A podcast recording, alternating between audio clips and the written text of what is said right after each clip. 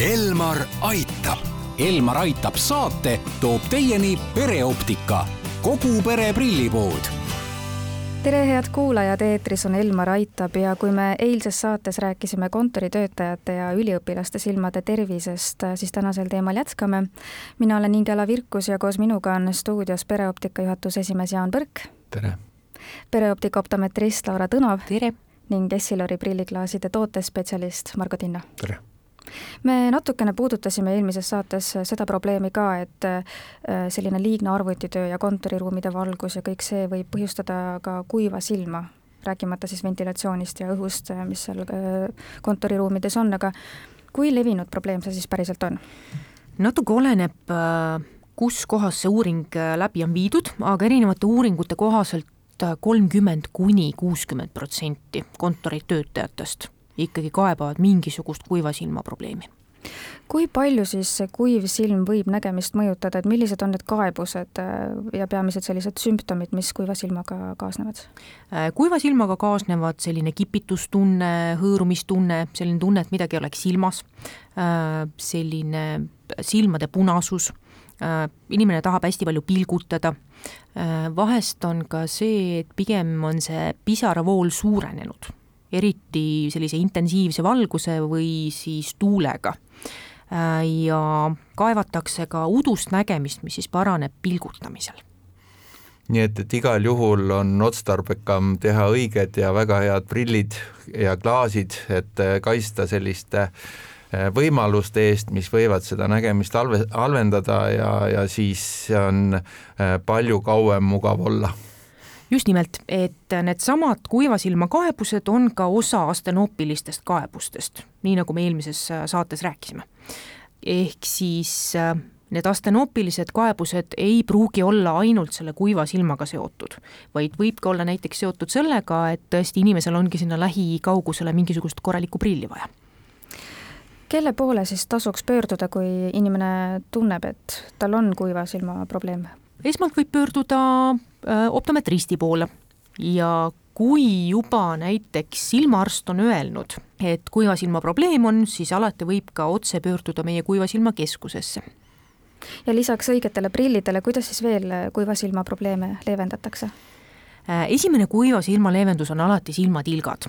Äh, silmatilgad aitavad ainult siis, kui neid ka korralikult silma tilgutada ehk siis ühest-kahest korrast päevas ei piisa, vähemalt viis kuni kuus korda päevas ja edasine selline nii-öelda ravikäik natuke oleneb sellest, et mille pärast see kuiv silm tekkinud on.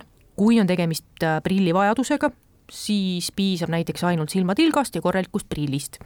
Äh, kui on tegemist mingisuguse Meibomi näärme probleemiga, ehk siis pisaraõlikihi probleemiga, äh, siis on soovitatav ka silmalaugude massaaž ja soe kompress kindlasti mis ka kuivasilmale nii-öelda leevendusele kaasa aitab, on samamoodi korralikud äh, vitamiinid, äh, spetsiaalsed toidulisandid, mis siis parandavad seda pisara koostist. Äh, ja kuivasilma keskuses on ka olemas siis ähm, kuivasilmateraapia, mis siis samuti aitab seda pisarat rohkem toota ehk siis tegelikult kõigest sellest aitaks see, kui minnakse optometristi juurde, tehakse kõik uuringud ära, saadakse head nõu, puhatakse silmi, pilgutatakse silmi tihedamini, aga kui kontoritöötaja või üliõpilane vajab prille, siis milline on täna üks selline kontoritöötaja prill, et milliseid võimalusi täna pakutakse, et oma silmi siis sellise lähitöö ja ekraanide eest kaitsta?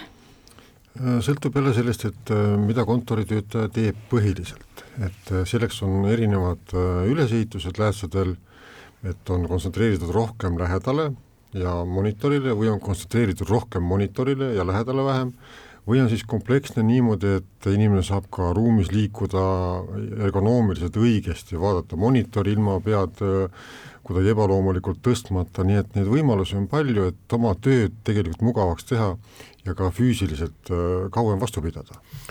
noh, on absoluutselt selge, et näiteks õpetaja ja Äh, ma ei tea, programmeerija vajavad väga erinevat sorti äh, nägemist korrigeerivaid vahendeid, aga kui ta tuleb prillipoodi, siis ta lihtsalt peab täpselt meile teatama, kuhu kohta tal on vaja hästi näha ja me teeme selle hea nägemise täpselt sellele kaugusele, kus kohas temal seda kõige rohkem vaja on.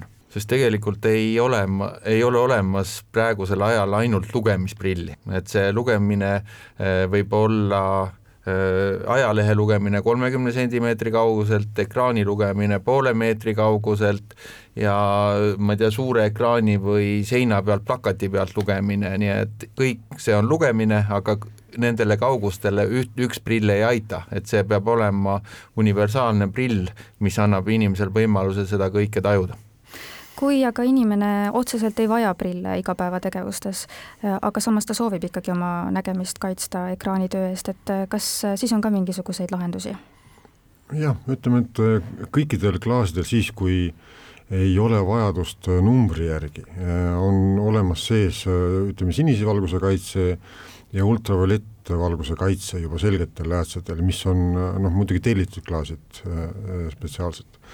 et on võimalik oma silmi kaitsta küll ilma, ilma noh, numbrita aga lõpetuseks anname siis mõned nõuanded, et äh, mida võiks arvutiga töötades kindlasti tähele panna, et kui kaugel võiks näiteks ekraan olla, ma saan aru, et see on väga individuaalne, sõltub tööst, aga äkki on mingi selline üldine nõuanne või soovitus?